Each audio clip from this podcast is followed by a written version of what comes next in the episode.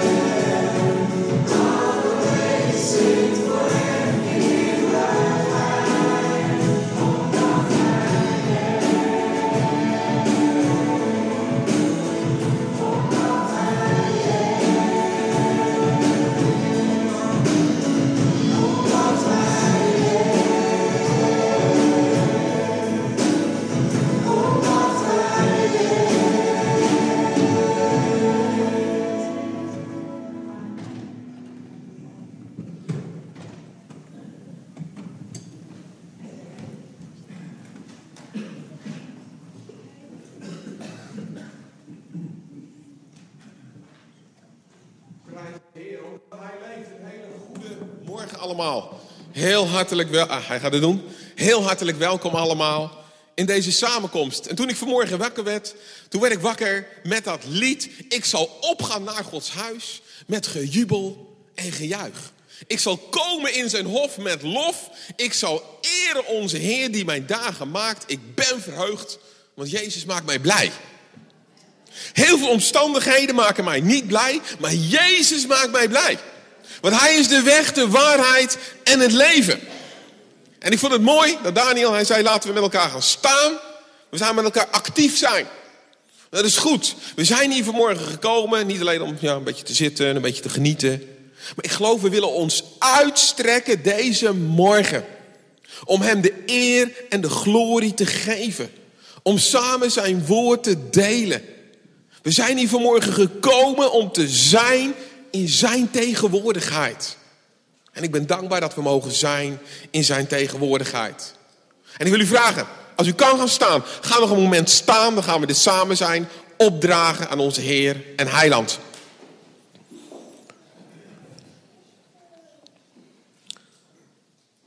Trouwe Vader in de hemel, dank u wel voor deze nieuwe dag die we mogen ontvangen uit uw hand. Dank u wel dat u onze Heer bent, dat u onze Vader bent, dat u onze God bent. Dat u de Heere der Heren en de Koning der Koningen bent. Over ons leven, over mijn leven. Heer, wat een voorrecht dat we zo in alle vrijheid samen mogen komen in uw naam. En dat onze verwachting volledig op u is gericht. Heer, want u bent de weg, de waarheid en het leven. En Heer, wilt u deze morgen werken door uw Heilige Geest? Heer, wilt u het muziekteam, wilt u ze zegenen? Heer, ze hebben liederen voorbereid. En ze willen ons meenemen in lof en aanbidding.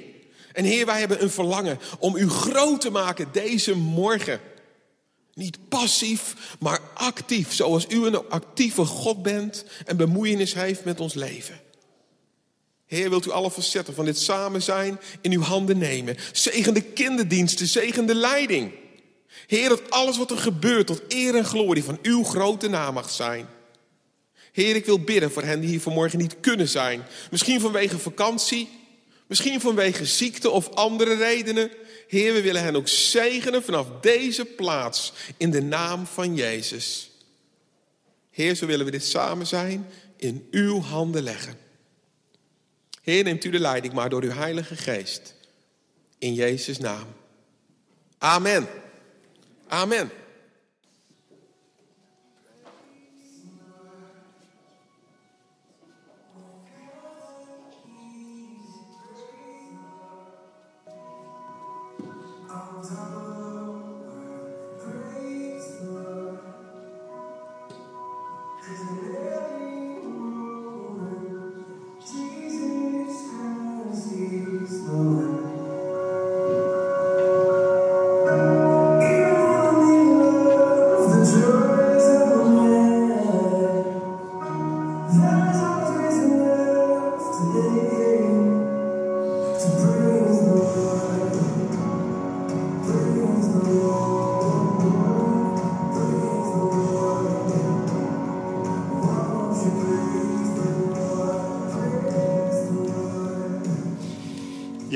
Spreekt al voor zich.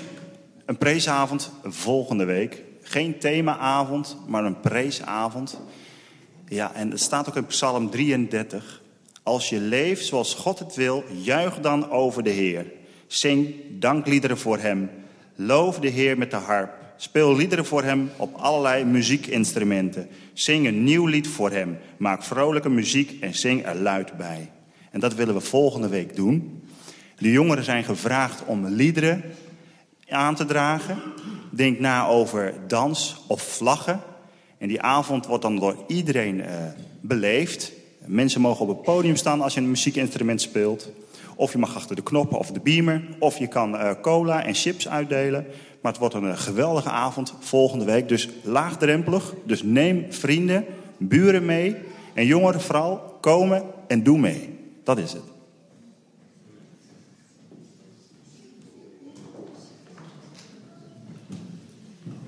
Dankjewel Gerrit. Het is goed om met elkaar ook God te loven en te prijzen. De Bijbel die zegt ook met alles wat in ons is, mogen we hem loven en prijzen. Ik de psalmen lees met cites, met cymbalen.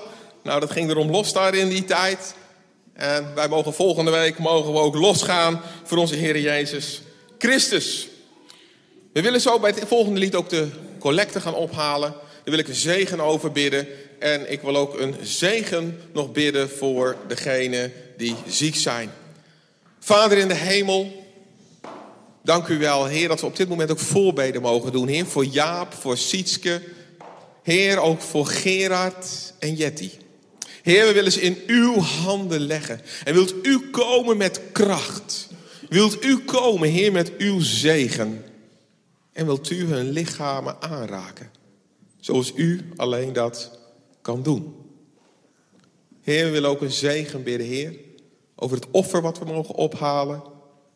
Heer, wat we mogen gebruiken om uw gemeente te bouwen. Uw naam groot te maken. Heer, daar danken wij u voor. Laat zover dit samen zijn. In Jezus' naam. Amen. Amen. Grieteke, jij ging nog staan. Had je nog een mededeling? Er is ook nog een baby geboren.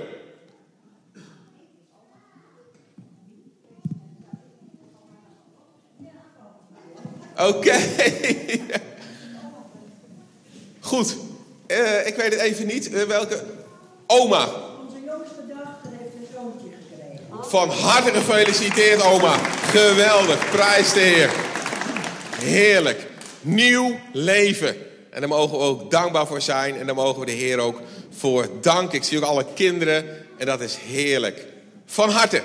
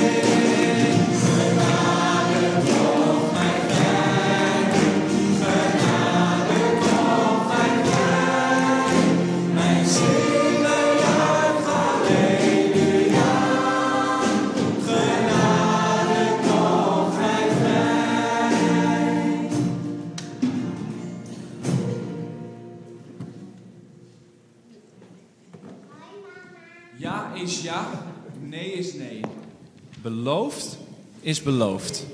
Jezus wil je helpen als jij in Hem gelooft. Nou, dat kunnen we denk ik met z'n allen wel zingen. Het is uh, een lied voor de kinderen, maar ook zeker voor de volwassenen. Dus laten we dat met elkaar uh, enthousiast gaan zingen. Ja is ja, nee is nee.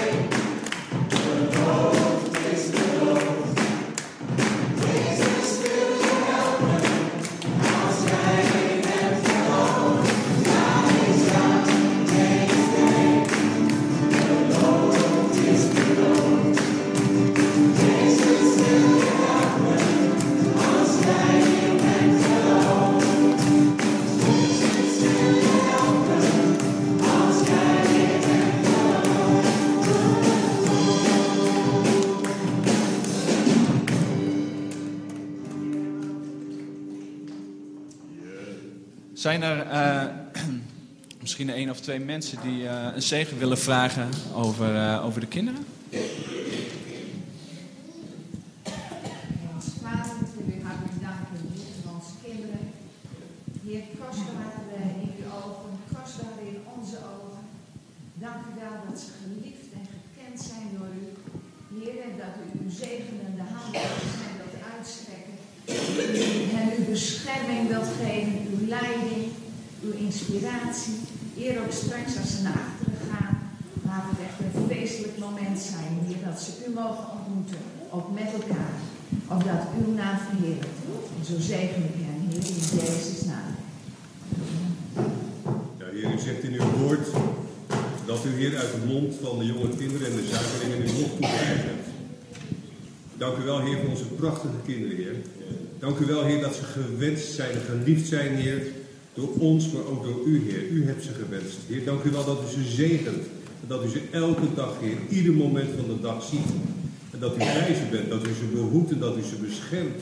En dat u ze groot bent, Heer, met een grote liefde voor u in het hart. Want u, Heer Jezus, u bent de bron van alle leven. En zo, Heer, wil ik uw zegen, Heer, leggen op de kinderen in de naam van Jezus. Halleluja. Amen. Mogen de, de kinderen mogen naar hun eigen samenkomst gaan. En dan eh, zingen wij nog even ja is ja, nee is nee.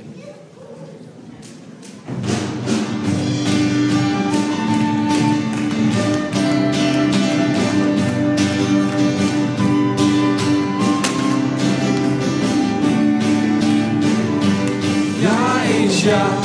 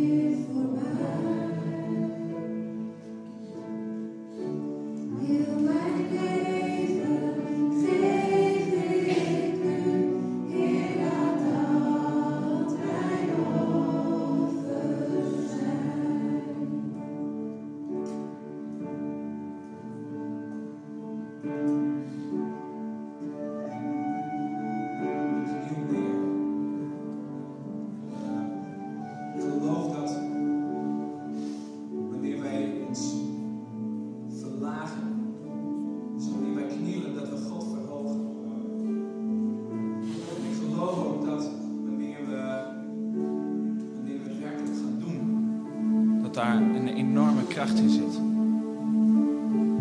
Werkelijk met ons hart, ons neerbuigen voor, voor Jezus. Ons leven geven. Want wat hebben wij te verliezen? Wat zijn we zonder Jezus? Wat zou het leven inhouden zonder Jezus? Dat er een, een nieuwe overgave mag komen.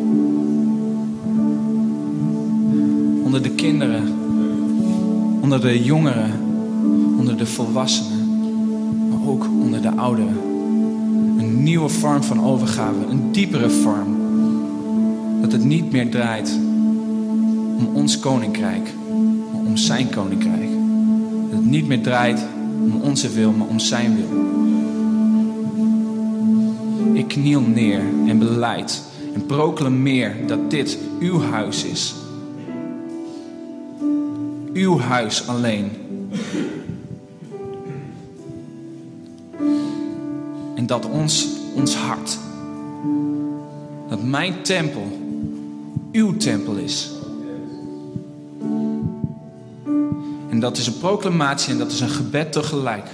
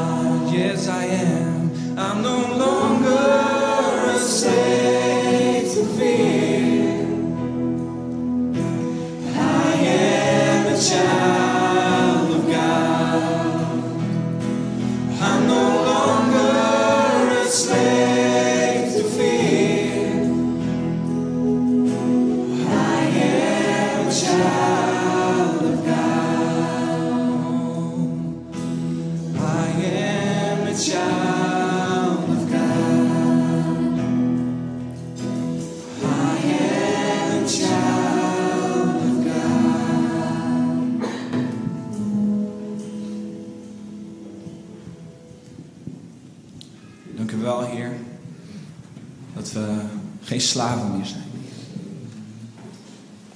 Heer, geen slaven van angst. Heer, geen slaven van zorgen. Heer, we zijn kinderen van u. Van de hoogste Heer. Heer, door genade.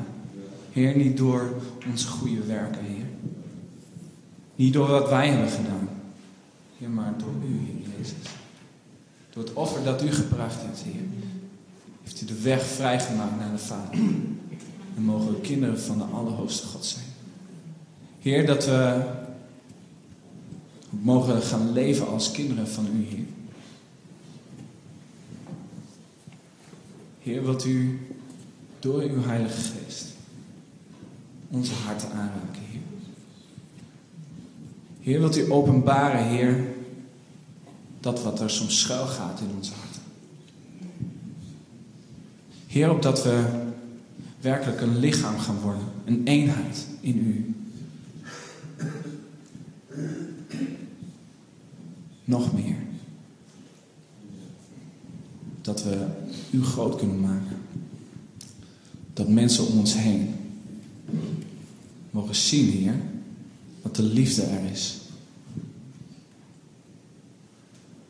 Heer, opdat ze gaan erkennen, Heer, dat U God bent.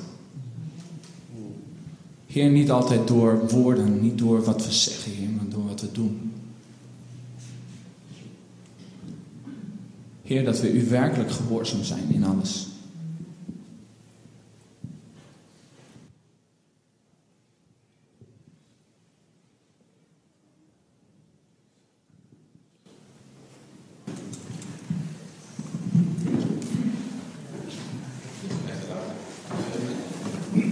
Goedemorgen allemaal.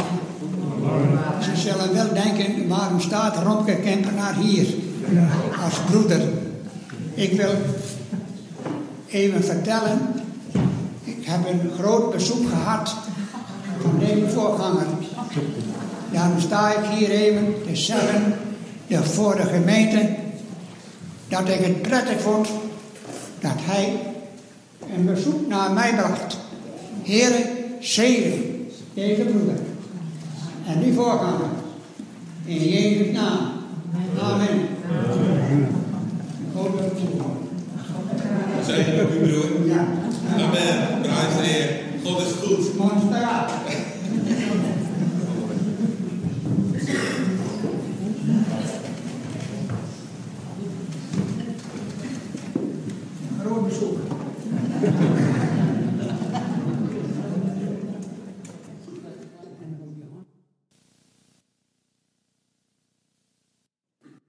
zei dat eh, Daniel was mooi de zangdienst die hij eh, had en de dingen die hij ook naar voren bracht. Wat ook weer terugkomt deze morgen in de prediking.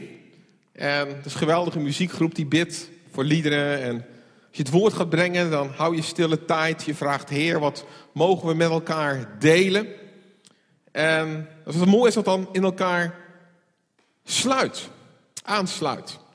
En ik heb erboven gezet, de gemeente als brenger van leven vanuit een wereldveranderend evangelie. Dus de gemeente heeft een opdracht om het leven wat wij hebben ontvangen uit te delen. Dat is het evangelie om de wereld te veranderen. Om invloed te hebben op deze wereld. Een gemeente, dat is geen gebouw. Een gemeente, dat is geen kerk. Een gemeente, dat zijn wij samen als heiligen, als bekeerlingen van de Heer Jezus Christus. En het hart van de kerk, dat is de liefdevolle gemeenschap waar Christus centraal mag staan als het hoofd. Als ik in de Bijbel lees, van begin tot het einde, dan zien we altijd dat God een plaats heeft gewild waar hij aanbeden kon worden. Waar de mens in zijn tegenwoordigheid kon komen en waar zijn heiligdom gebouwd werd. we lezen het in, in, in, in, in de Bijbel. We beginnen bij de tabernakel. Mozes hij krijgt een opdracht om een tent te bouwen, een tabernakel te bouwen. Een plaats waar de Shekinah, waar de heerlijkheid van God... door middel van een wolkolom, door middel van een vuurkolom des nachts... waar de tegenwoordigheid van God gezien werd. En dat was het heilige en het heilige der heiligen waar alleen de priester mocht komen. We zien later de tent van David. Hij brengt dan de ark, die brengt hij al juichend met heel veel offers, wordt die gebracht terug naar de stad van David, naar de burcht van David staat er in het woord. En dan wordt hij gezet in een tent. En er was een heerlijke eredienst. Er werd voortdurend, dag en nacht werd er door mensen God geloofd, geprezen en aanbeden. Stelt u zich voor dat wij nou hier een, een, een, een lijst gaan neerhangen. En dan geen crashlijst, geen zonderschoollijst, die voor de zomer de zonderschool wil gaan doen. Maar dat we zeggen, we willen hier 24 uur lofprijs, aanbidding en gebed hebben. Heel veel mensen zouden zeggen, ach, hou op. Dat kan niet. Misschien praktisch wel niet. Maar ik geloof God, hij troont op de lofzangen. Hij troont op de gebeden. En nergens was er een grotere heerlijkheid dan in die tijd. Waarom? God werd voortdurend aanbeden. En dan lezen we later de tempel van Salomo, hoe die gebouwd werd. En dan lezen we daar bij de inname van die tempel dat Gods tegenwoordigheid binnenkwam. Toen ze hem gingen loven, gingen en prijzen, gingen aanbidden. Toen die tempel gebouwd was volgens het plan van God. En dat de heerlijkheid van God neerdaalde. De priesters konden niet meer blijven staan. Als we in de tegenwoordigheid van God komen, dan gebeurt daar iets met ons. Dan kunnen we waarschijnlijk niet meer blijven staan.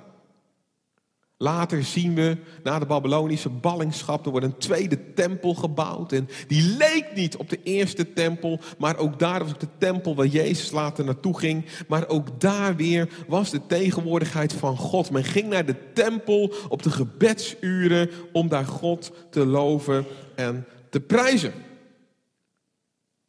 Wat ik net zei, de gemeente is geen gemeente door een kerk of door een gebouw, maar door de aanwezigheid van God en zijn kinderen door bekeerlingen, door discipelen van Hem. Als ik hier vanmorgen vraag, bent u bekeerd?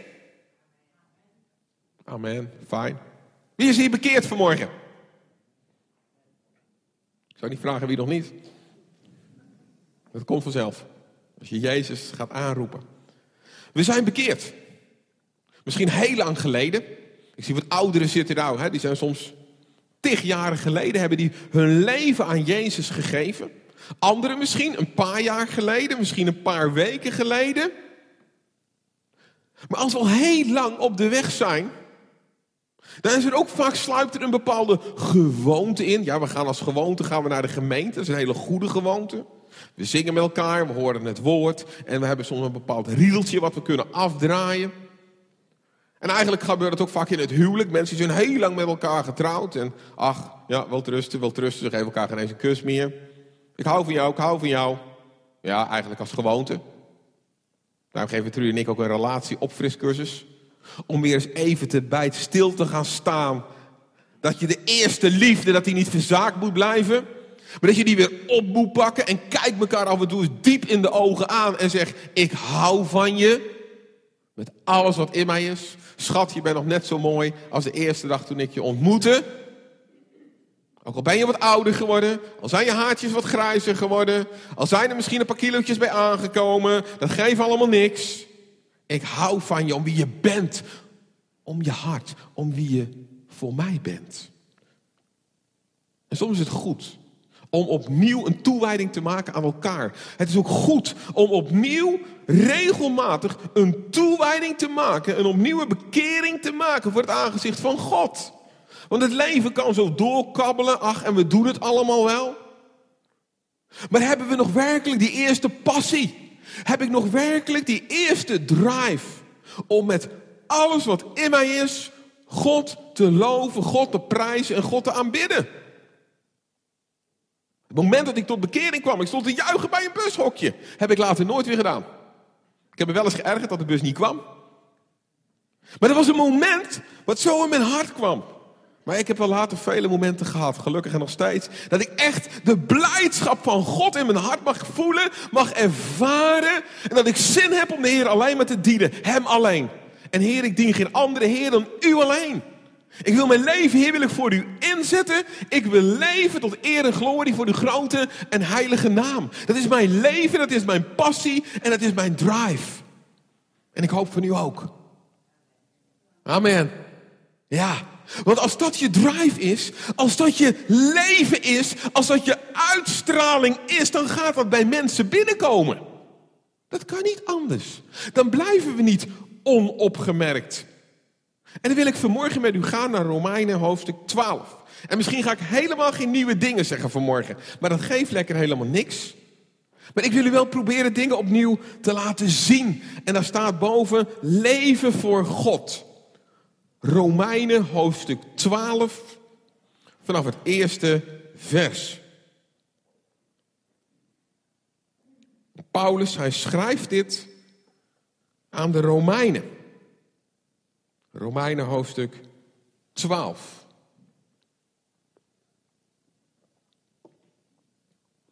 En dan begint hij.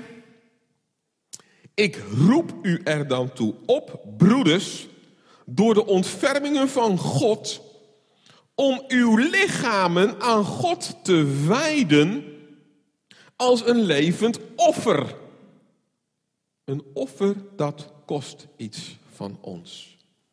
Als je gaat offeren, in welke vorm dan ook, dan gaat dat je wat kosten. Heilig en voor God welbehagelijk want dat is uw redelijke godsdienst. En wordt niet aan deze wereld gelijkvormig, maar, dat is belangrijk wat er staat, wordt innerlijk veranderd. Dat is die bekering. Door de vernieuwing van uw gezindheid, van wie je bent. Waarom? Om te kunnen onderscheiden wat de goede, welbehagelijke en volmaakte wil van God is. Want door de genade die mij gegeven is, zeg ik in ieder onder u niet hoger te denken dan hij moet denken, maar laat hij denken in bescheidenheid, naar mate van geloof, zoals God die aan een ieder heeft toebedeeld. Want zoals wij één lichaam vele leden hebben en de leden niet allen dezelfde functie hebben, zo zijn wij, hoewel vele leden één lichaam in Christus, maar in ieder afzonderlijk leden van elkaar. En nu hebben wij genadegaven onderscheiden naar de genade die ons is gegeven. Het zij profetie, naar mate van het geloof. Het zij dienstbetoon in het dienen. Het zij wie onderwijst in het onderwijzen. Het zij wie bemoedigt in het bemoedigen. Wie uitdeelt in oprechtheid. Wie leiding geeft met inzet. Wie zich over anderen ontfermt met blijmoedigheid. Laat de liefde ongeveind zijn. Heb afkeer van het kwade en houd vast aan het goede. Heb elkaar hartelijk lief met broederlijke liefde. Ga elkaar voor in eerbetoon. Wees niet traag wat uw inzet betreft. Wees vurig van geest. Dien de Heer. Verblijd u in de hoop. Wees geduldig in de verdrukking en volhard in het gebed. Wees deelgenoot in de noden van de heiligen. Leg u toe op de gastvrijheid. Zegen wie u vervolgen, zegen hen en vervloekt hen niet. Verblijd u met hen die blij zijn en huil met hen die huilen. Wees eensgezind onder elkaar. Streef niet naar de hoge dingen, maar houd bij u de nederige. Wees niet wijs in eigen ogen. Vergeld niemand kwaad met kwaad. Wees bedacht op wat goed is voor alle mensen. En leef zover mogelijk vanaf het voor u afhangt in vrede met alle mensen. Wat een gedeelte is dit wat Paulus hier schrijft aan de Romeinenbrief.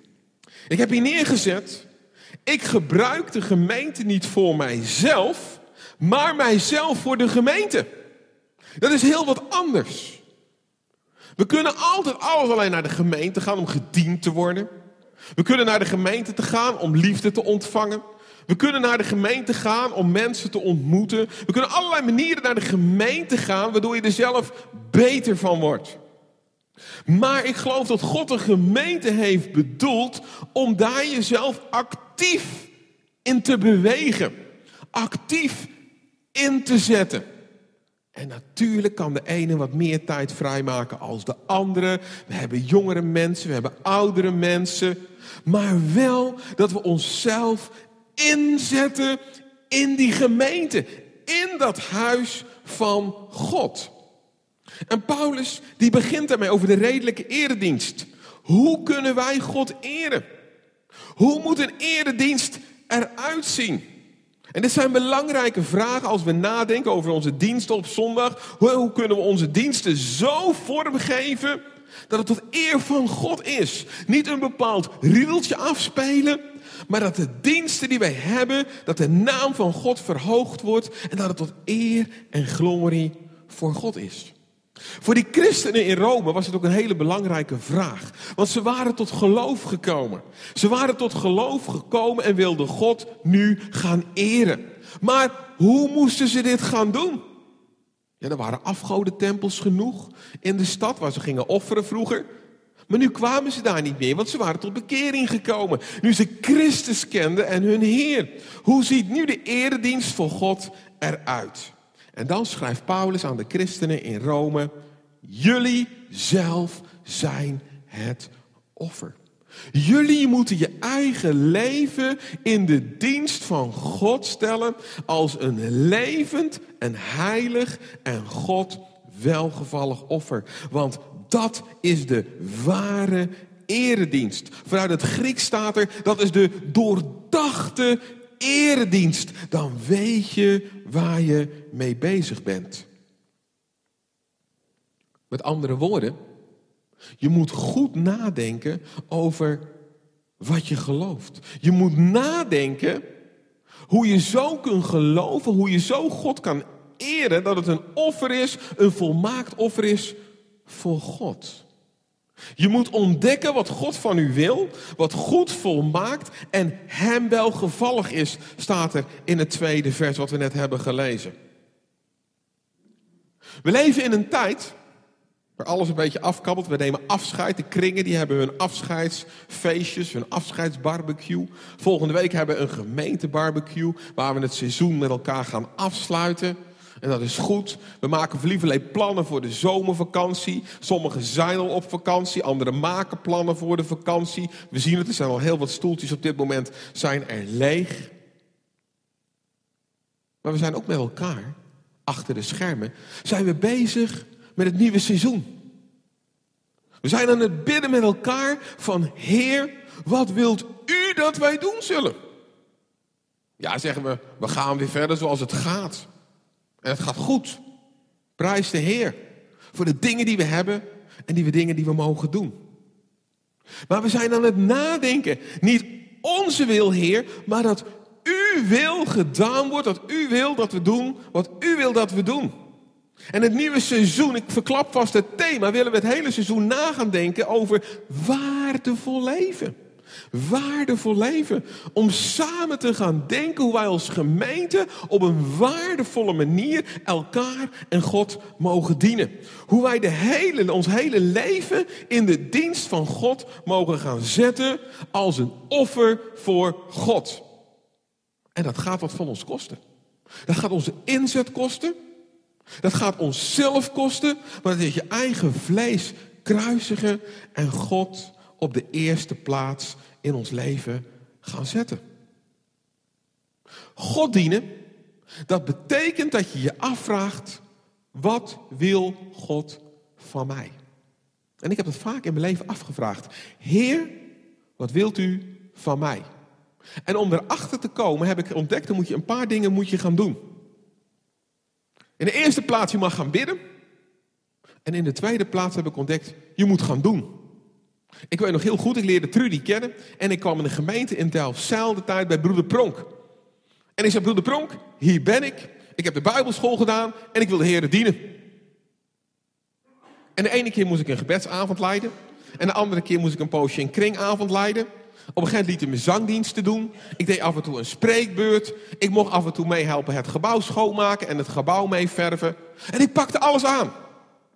Ik pakte alles aan. Waarom? Ik wilde God dienen en ik wilde de gemeente dienen. En samen met jullie en ik, we gingen van alles in die gemeente gingen we doen. En we deden het met blijdschap. En we vonden het leuk. En het was een hele leerzame tijd. Om verlievelee te ontdekken waar je gaven, waar je talenten, waar dat ligt waar jij mag doen. En ik ben heel snel gestopt met zangdienst te doen.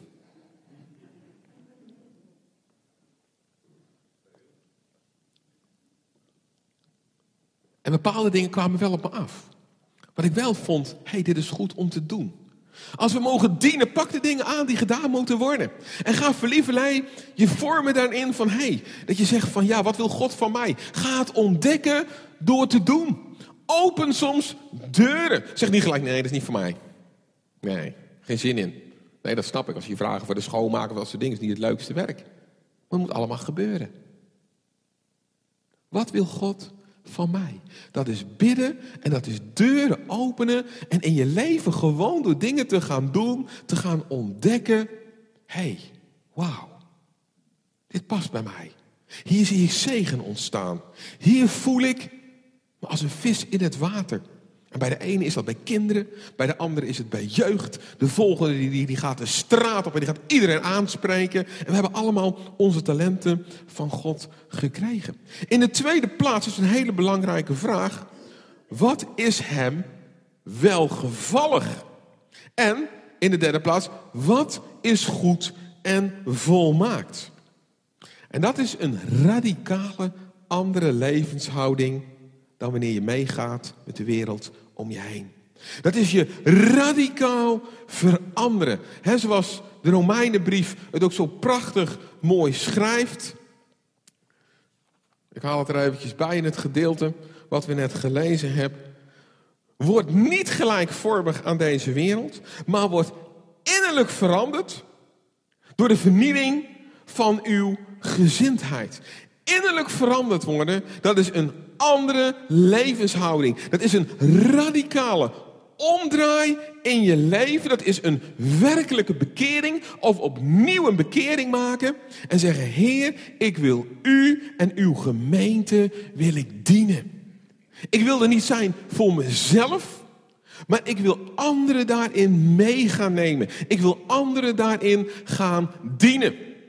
Ik vond het prachtig, die preek die ik hoorde op, uh, toen ik op opwekking was van, van, van Henk Stolvogel. Iedere keer Petrus en Johannes. De discipelen gingen met elkaar. Ze gingen samen. En het is geweldig om samen op weg te gaan.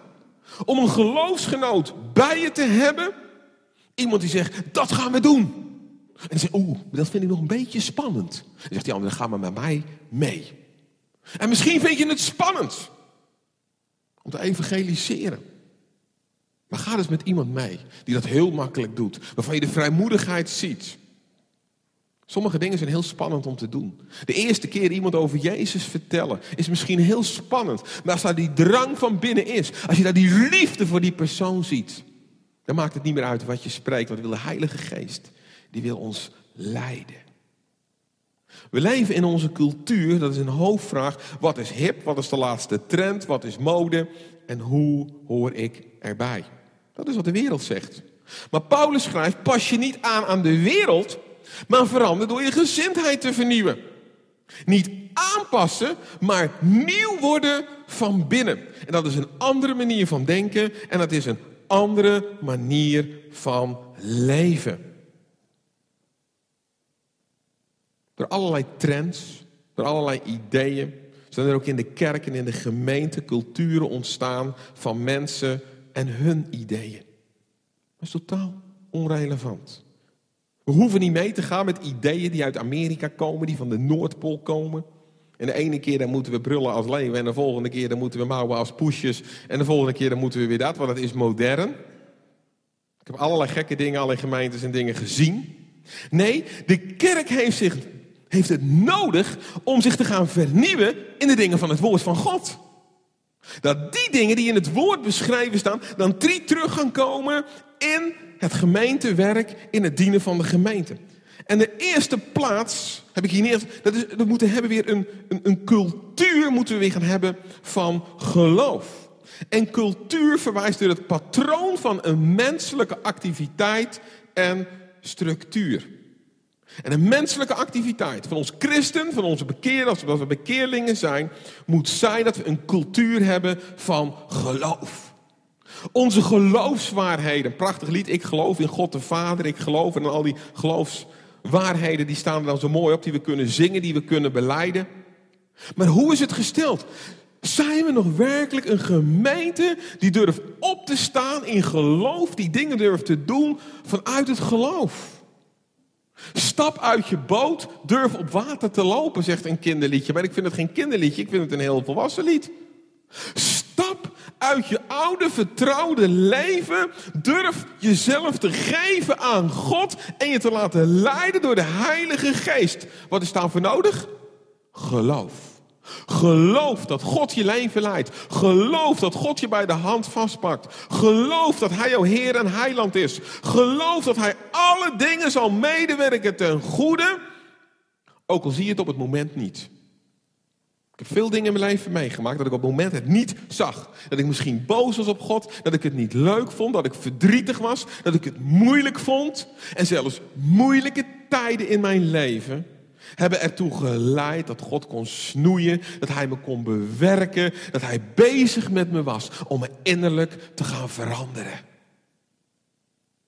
Een innerlijke verandering, een innerlijke bekering waarin ons geloof in God op de eerste plaats komt te staan. Niet alleen zingen, ik geloof, maar doen in geloof, spreken in geloof, stappen durven te nemen in geloof. In Handelingen 16, vers 5, daar staat: De gemeente dan werden bevestigd in het geloof en namen dagelijks een aantal toe.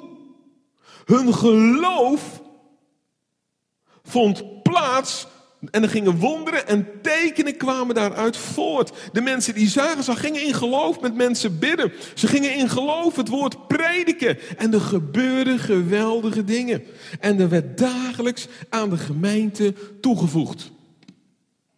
Als ik hier vanmorgen ga zeggen, het komend seizoen 2016, 2017 gaan we in geloof allemaal een stap zetten dat u het komend jaar één iemand of één gezin gaat brengen bij Jezus.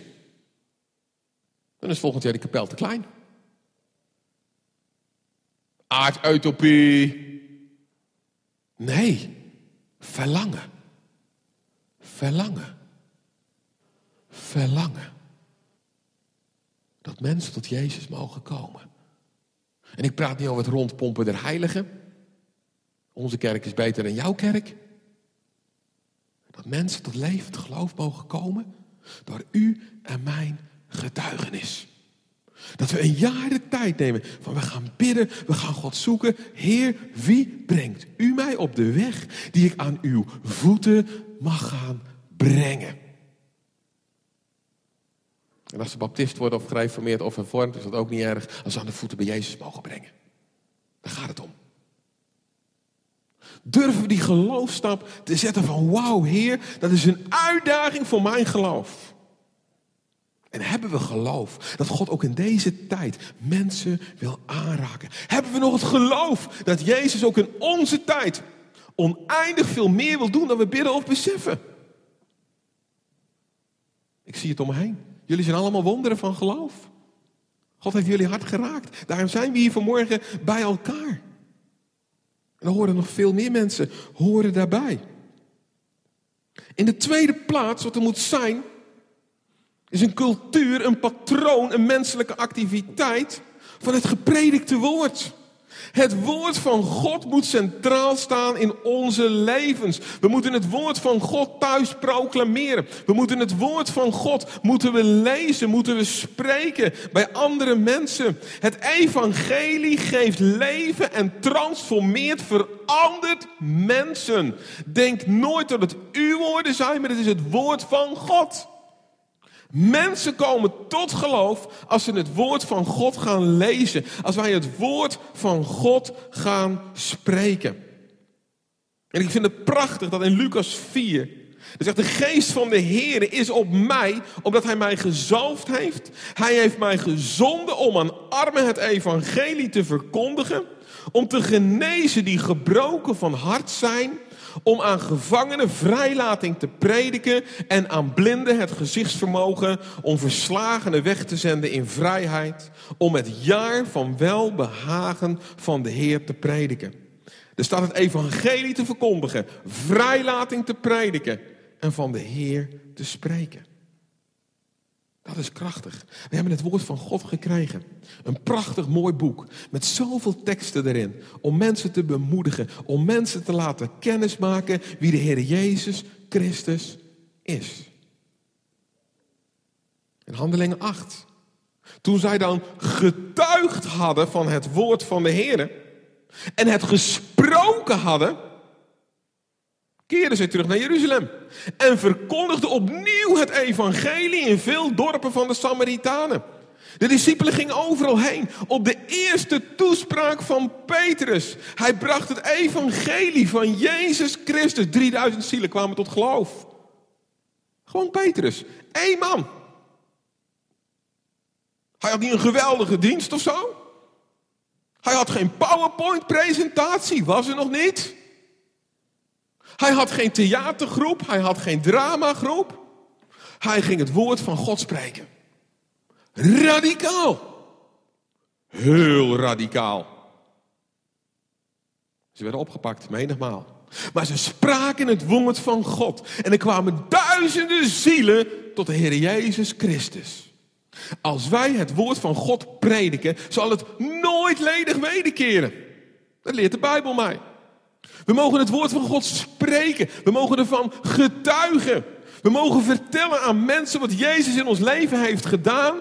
En pak de momenten die God je geeft. En er komen momenten. Dat je in één keer kan getuigen van de Heer Jezus Christus.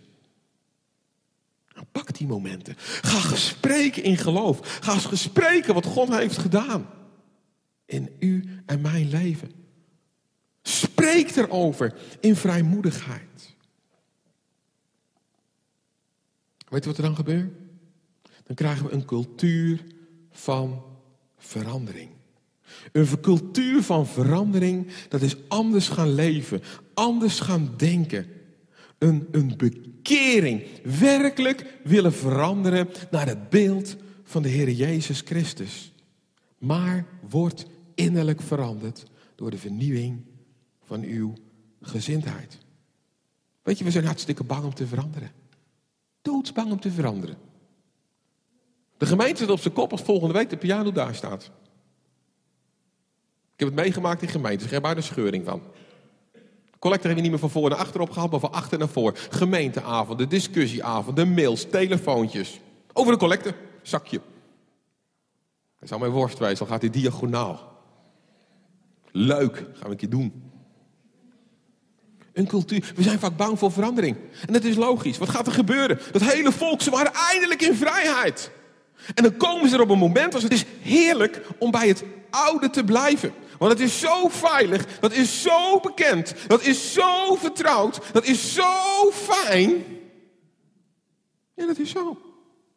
Dat is zo. Ik zat van de week zat ik in mijn tuin. En we gaan over vijf weken verhuizen. En ik zat echt wij moeten even na te denken. Ja, hier hebben mijn kinderen, zijn hier opgegroeid. Een hele verandering. Ja. Oh, we krijgen een prachtige woning hier. En heel veel mensen hebben hard gewerkt. Het ziet er fantastisch allemaal uit. We zijn blij en dankbaar. Maar er moet wel een verandering plaats gaan vinden. We gaan naar een nieuw gebied met nieuwe mensen. Die mensen heten Friesen. Zijn erg vriendelijk trouwens. Zijn leuk. Maar je moet soms veranderen. Soms moet je veranderen. Ja. Is dat makkelijk? Nee. Ook met kinderen worstelen, afscheid nemen van hun school, afscheid nemen van het bekende, van vriendinnetjes, van vriendjes, is moeilijk. Dat is moeilijk. We willen als gezin God dienen. Willen jullie dienen? Willen u dienen? Wil God dienen? Durven wij te veranderen? Durven wij soms van ons oude patroon af te stappen en in nieuwe dingen te gaan stappen die God ons geeft, die God ons laat zien? Ook al sta je dan in één keer voor die zee. Ja, maar heer, nu kan ik niet verder meer.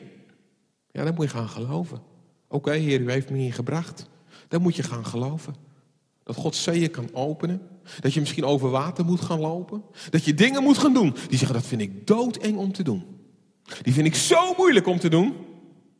Ja, dat soms. Ontzettend moeilijk. Het leven in geloof, en ik heb het, ik spreek uit eigen ervaring, is soms ontzettend spannend, is soms ontzettend moeilijk. Dat ik in de auto zit, dat de Heer zegt zo, en nu ga je daar en daarheen. Nee. Echt waar? Het is van mezelf, het is van mezelf, het is van mezelf. Nee, het is van God, want dat bedenk ik zelf niet. En dan ga je erheen. En daarbij tot zegen. Achteraf heb je geweldige getuigenis. Je zegt, nou, de Heer die leidde mij. Hij sprak tot mij in de auto en ik ben erheen gegaan. En nou, geweldig allemaal. Maar dat moment, ding, ding, ding, ding, ding, ding, ding. Dat is heel moeilijk. Dat is heel moeilijk om van je bestaande wegen te durven veranderen. Om innerlijk je durven te veranderen. Om de vernieuwing te pakken die God je hebben wil. Hoe bang zijn we voor verandering? Durf je werkelijk je oude vertrouwde opzij te zetten om Jezus te volgen, om Hem te dienen? De discipelen werden vervuld met de Heilige Geest. Alles werd in één keer anders. Mensen kwamen tot geloof, ze gingen dopen, ze gingen verkondigen, ze gingen overal heen. Er brak een nieuwe tijd aan. Dat is het vierde punt wat ik heb neergeschreven. Een cultuur, een activiteit van leven onder de leiding van de Heilige Geest. Je laten leiden door de Heilige Geest. En dan is het afgelopen met jouw eigen wil en met je eigen dingen. In Handelingen 2, vers 38, daar staat: En Petrus zei tegen hen: Bekeert u, wat verandert. En laten van u van u gedoopt worden in de naam van Jezus Christus tot vergeving van zonde. En u zult de gave van de Heilige Geest ontvangen. Het was een stelling die Petrus zei. Bekeer je, laat je dopen tot vergeving van zonde. En je zal de Heilige Geest gaan ontvangen. Niet, nou, misschien, eventueel. Nee, Gods belofte. Hij wil zijn geest uitstorten op alle vlees. Wij mogen werken. Wij mogen staan onder de leiding van de Heilige Geest. Dat is Gods leiding. Dat is Gods openbaring. Dat is het ontvangen van Gods woord in je ziel. Datgene laat geeft hij je te binnen wat je nodig hebt. Soms een woord, soms een beeld. En soms laat hij je even lekker worstelen. Soms moet je misschien bidden. Moet je gaan vasten om daarin te kunnen wandelen. Het vijfde punt. Wat belangrijk is, wat de gemeente nodig heeft, is een cultuur van het kruis. Dat het kruis van Jezus Christus centraal blijft staan. Jezus lijden, Jezus dood en Jezus opstanding. Dat we alles mogen brengen bij het kruis van Jezus. Daar waar Jezus alles volbracht heeft. Want 1 Korinthe 1 vers 18. Want het woord van het kruis is voor hen die verloren gaan wel dwaasheid. Maar voor ons die behouden worden is het een kracht van God. Daar begint het. Dat we mogen neerknielen bij het kruis. Dat we mogen zeggen, Heer vergeef mij. Heer neem mij. Heer dank u. Dat u alles heeft volbracht. Aan het kruis van Golgotha. Het kruis van Jezus Christus moet centraal blijven staan in de gemeente van Jezus Christus. Bij het kruis is de redding. Bij het kruis is de vergeving. Bij het kruis is daar de genezing voor geest, ziel en lichaam. Het zesde punt. Een cultuur van passie. Ik zeg passie voor het gebed. Bidders moeten we zijn. Trudy die gaf me van de week een geweldige spreuk. Die las ergens. En dan staat er: De vijand zal proberen jouw gebed te beperken. Want hij weet dat jouw gebeden hem beperken. Pakt u hem? De vijand zal proberen jouw gebed te beperken, want hij weet dat jouw gebeden hem beperken. De slechtst bezochte, de slechtst bezochte samenkomst in heel Nederland, in alle kerken, dat is de gebedssamenkomsten. Volgangers proberen alles te doen om de gebedssamenkomsten aantrekkelijker te maken, leuker te maken, mooier te maken, gezelliger te maken. Met koffie, met broodjes, met tompoezen.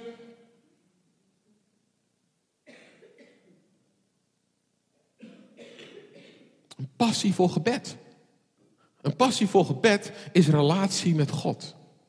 Een passie voor gebed. Dat is met elkaar op de knieën gaan. Elkaar God gaan zoeken om zijn wil te doen. Om in zijn tegenwoordigheid te komen. Een passie voor gebed is te bidden voor mensen die de Heer Jezus nog niet kennen. Voor mensen die een nood hebben. Voor mensen die ziek zijn. Door gebed kunnen muren vallen. Door lofprijs en aanbiddingen door gebed kunnen muren vallen. Kunnen deuren opengaan. Kan er iets nieuws gaan ontstaan met het begin met gebed. Lieve mensen, ik kan het niet vaak genoeg zeggen. Maak het komende seizoen een stap en zeg: Ik wil één keer per maand op die bidstond komen. Ik wil één keer per maand, wil ik met mijn broers en mijn zussen, wil ik God gaan zoeken. Wil ik Hem eren, wil ik Hem prijzen. Och, Aard begin er nou alweer over. Ja, daar begin ik weer over. Waarom? Omdat gebed zo belangrijk is. Omdat ik weet dat het de motor is van de gemeente. Omdat ik weet als we samen gaan bidden, eenparig, dat God geweldige dingen wil doen. En daarom noem ik het. Eén keer per maand gewoon in je agenda zetten. Dan ga ik en dan ga jij. Dan pas ik op de kinderen en dan ga jij. Dan even geen sportactiviteit. Doe ik die andere drie dinsdagavonden wel.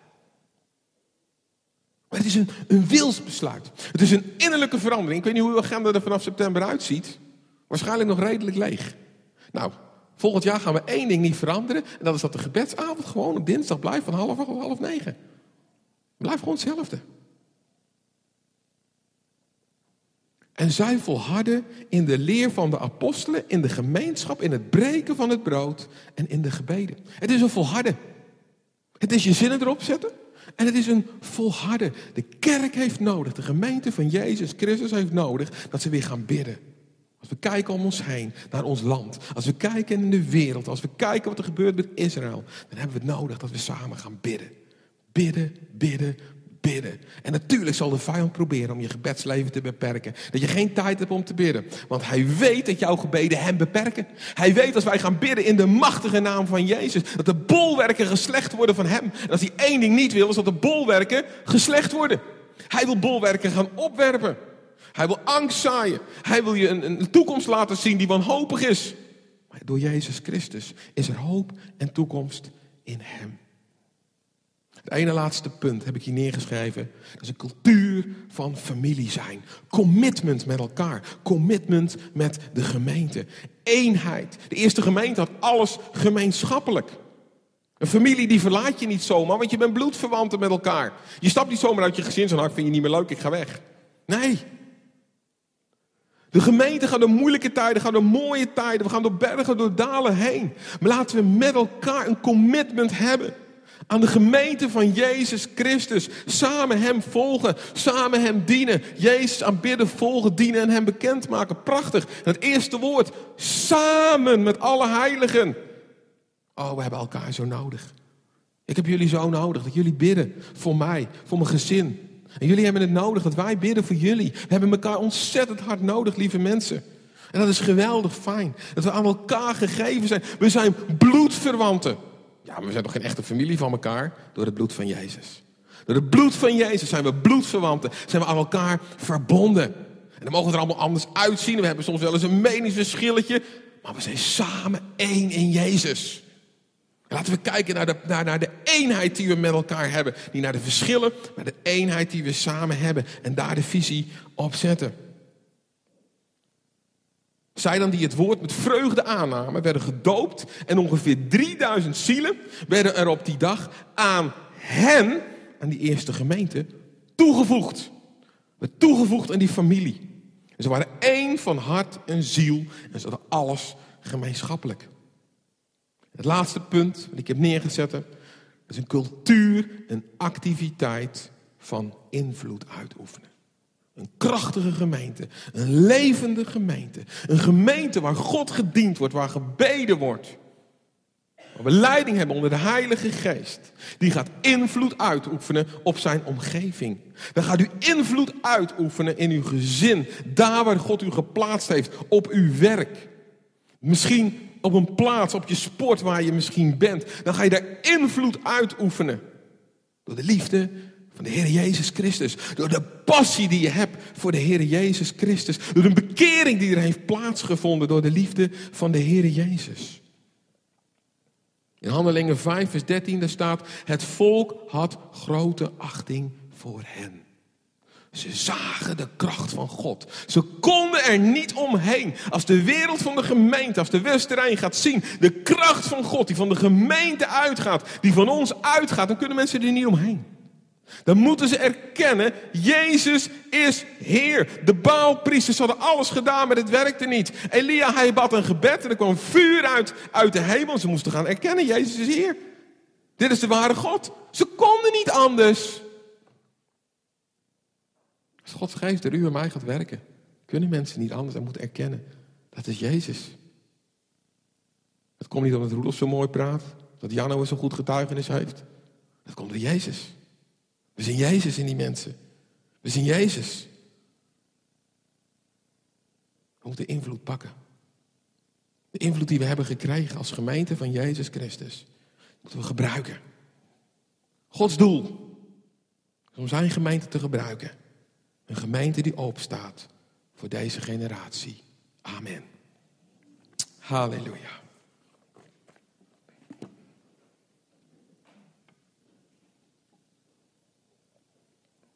Laten we samen bidden.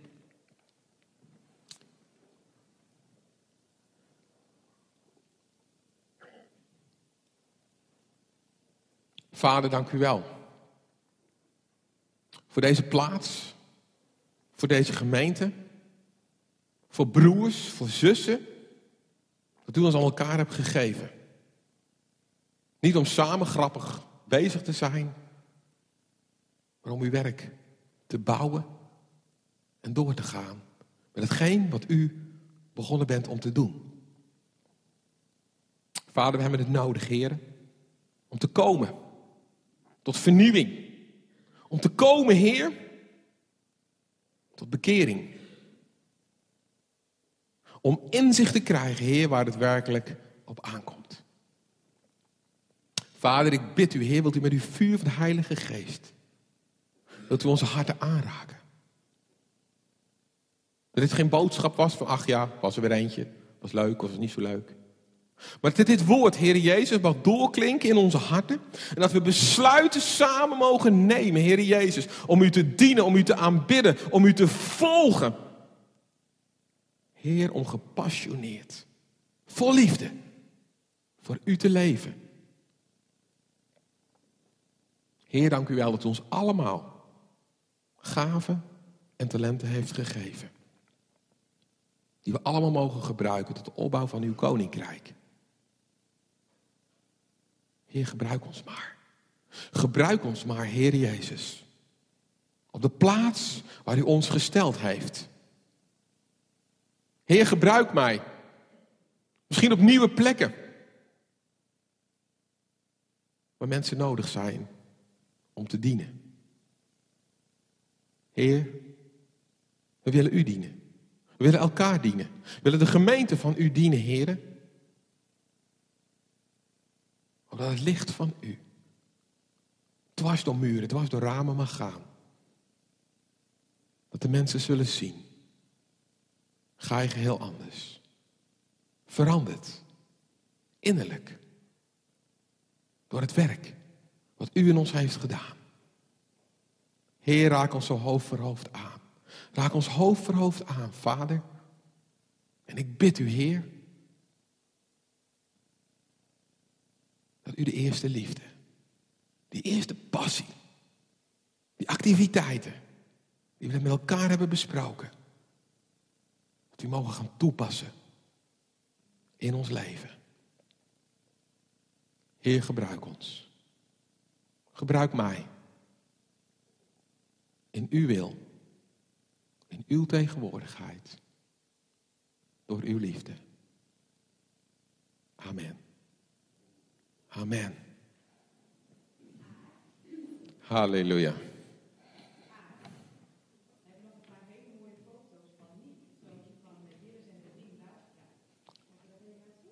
Mogen we zo even het einde van de dienst doen? Ja? Als we afsluiten, dan eh, gaan we dat zo, eh, zo doen. We zingen nog één lied met elkaar. En wil ik mevrouw Trudy nog even naar voren roepen. We zingen eerst een lied en dan eh, roep ik jou even naar voren, Trudy.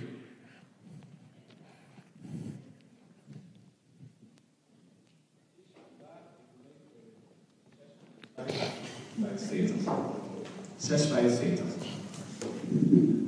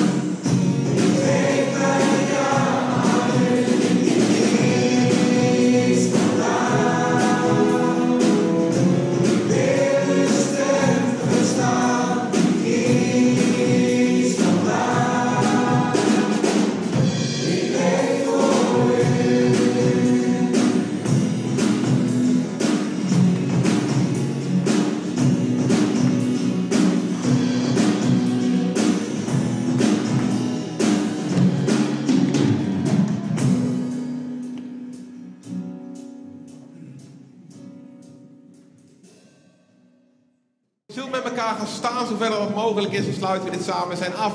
Drinken we met elkaar gezellig een kopje koffie. Liefdevolle Vader, ik wil u danken, Heer, voor dit heerlijke samen zijn. Dank u wel dat u ons midden was, maar dat u ook bij ons blijft, ook de komende week op de wegen die wij gaan. Dank u wel voor uw nabijheid, voor uw trouw, voor uw zorgzaamheid en voor uw aanwezigheid in ons leven. Heer, dank u voor elkaar. Dat de liefde van God onze Vader, de genade van onze Heer Jezus Christus, de troostvolle gemeenschap van zijn Heilige Geest met u allen mogen zijn en blijven. Tot op die grote dag dat Jezus terugkomt. We zien eruit, Heer. Amen. Amen. God zegen u. Er is nog koffie en er wordt nog even een paar leuke foto's getoond van Niek Belstra. 13, ah, schatje. Nieuw leven. Geweldig. Een blije moeder. Een trotse zoon.